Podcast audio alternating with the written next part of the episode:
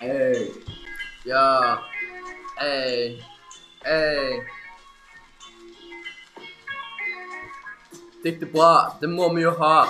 Vi lærer om det hver dag, og i alle fag. Dikt gjør at vi får læring, og det gjør at hjernen vår får næring. Jeg trodde vi var ferdig der, men jeg skal ta dere med gjennom her. Det er diktator skal gi dere litt av et dikt. Dere ser bare skyggen vår på lang sikt!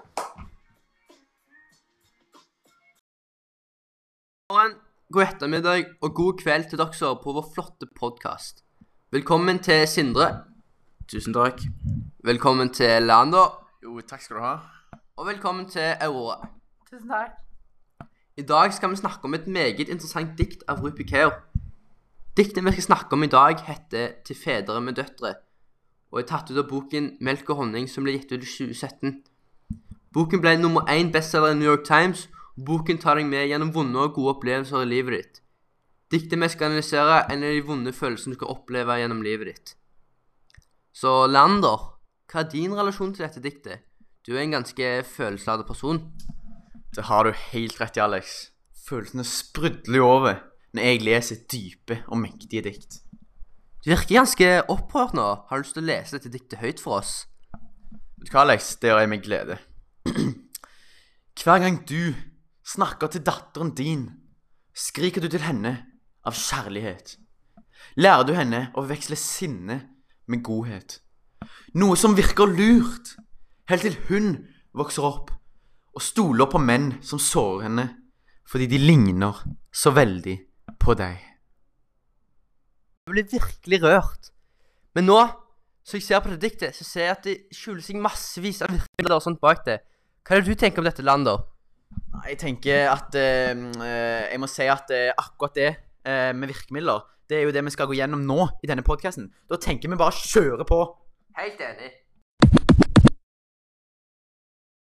Indre, hva tenker du om dette diktet? Jeg syns dette diktet er veldig dypt og meget relevant. Ehm, jeg syns det er et veldig bra dikt, og det bringer fram mange gode poeng, som vi da kommer til seinere.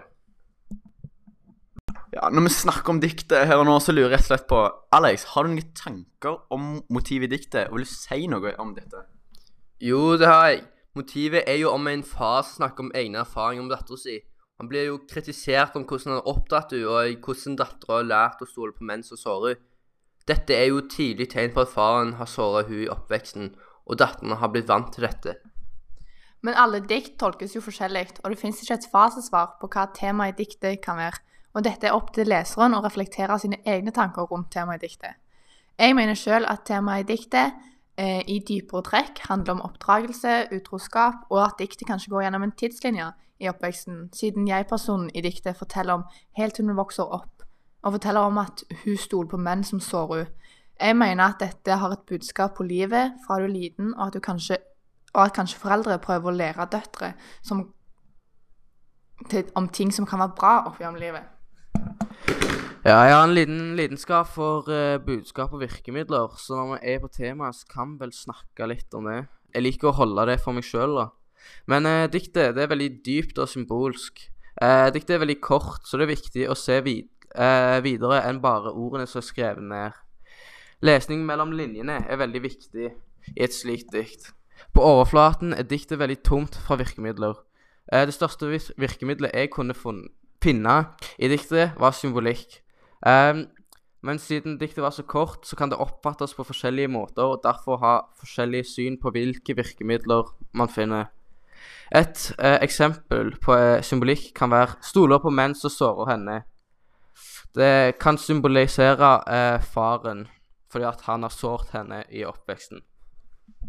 Eh, I motsetning til Sindre så mener jeg at eh, i verslinje 'skriker du til henne av kjærlighet' kan være en metafor for at personen i diktet egentlig ikke mener å skrike, men heller spre omsorg og vise at personen bryr seg om henne og uttrykker følelsene til henne. Vi kan jo snakke litt om hvordan diktet er skrevet, så da tenkte jeg jo strukturen og skrivemåten. Diktet er skrevet uten noen store bokstaver og punktum.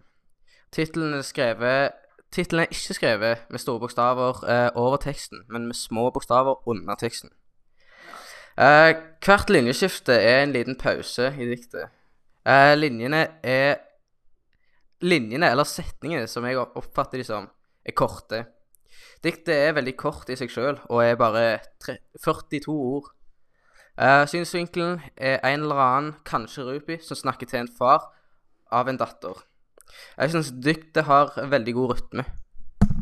Ja, altså, Nå vil jeg snakke litt om hvordan jeg føler diktet er relevant til dagens samfunn. Og da kan vi starte der at mange kan føle på det å ha et vanskelig og utfordrende forhold. Eh, spesielt når unge jenter lever i rett og slett et vanskelig far- og datterforhold. Hvor datteren blir vant til å leve med en far som kanskje ja, utsetter negativt verbalt. da. Og jeg har hørt eh, på en del rykter, og ryktet sier jo for så vidt at kvinner ofte går for menn som ligner på sin far. Og eh, når jentene har levd i en familie med dårlig forhold til eh, foreldre, spesielt far, så blir hun kanskje vant til at dette er greit, og ender kanskje opp med en kjæreste som misbruker verbalt.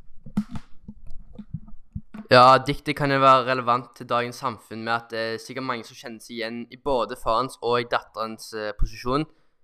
Og i, eh, i mange land så er det jo barn, spesielt jenter, som har en vanskelig oppvekst pga. at eh, foreldrene tvinger dem til å f.eks. bli gift i ung alder eller bestemme kjæreste til dem. Og de vet jo ikke hva som er normalt, da, fordi de blir jo handla forskjellig. Og da er det liksom at de Da lever de i sin egen boble uten å få vite hva rettighetene de ser, eller hva de har rett til. Det kan òg gjelde for fedrene, fordi hvis for eksempel, eller foreldrene, hvis de har hatt en dårlig oppvekst, så vet ikke de hvordan de skal oppdra barna sine etter det igjen. Og eh, ja Det er sånn det kan skape problemer. Uh, ja, som i likhet med Lander, så uh, kan jo diktet ha sammenheng til enkeltpersoner generelt, med enten at de uh, kjenner seg igjen i en situasjon i diktet, eller at dette bare skaper minner til hendelser som har skjedd i livet, og som de kan eh, da ha en sammenheng med. Eh, for meg kan diktet bringe frem andre følelser og minner enn det du som eh, lytter gjør. Um, ja.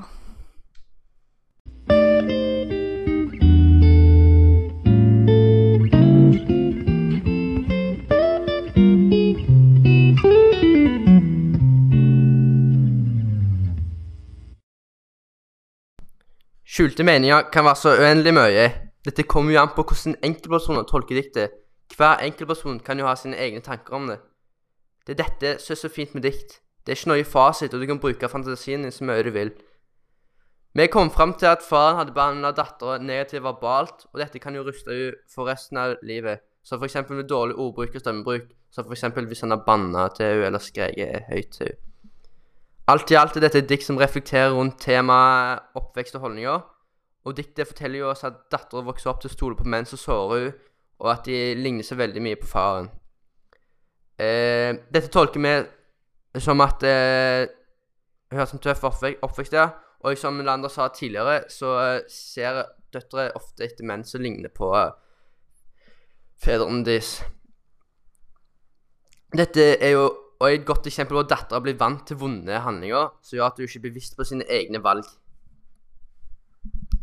Jeg syns eh, diktet kan svekke mange meninger og følelser, og det er et veldig følelsesrikt dikt.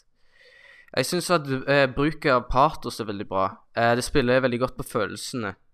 Eh, og det fører til at eh, diktet blir kjekkere for leserne å lese.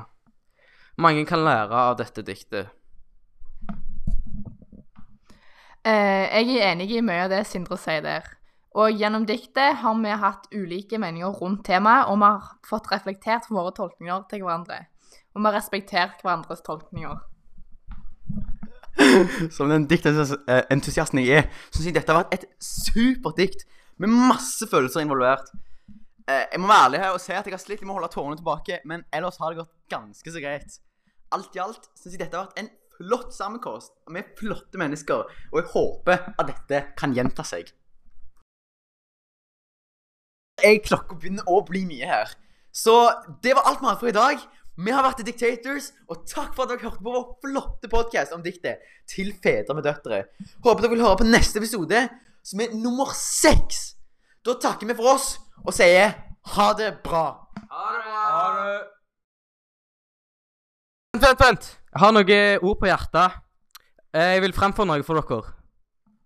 Yo, Leo, fyr opp!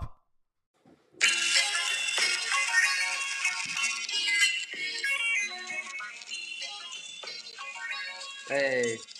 Hei. Takk for at dere hørte på. For vi er nemlig ferdig nå. Kom tilbake og hør på neste gang. Så får du sikkert høre en til sang. Yeah, det bra. Tusen takk for oss.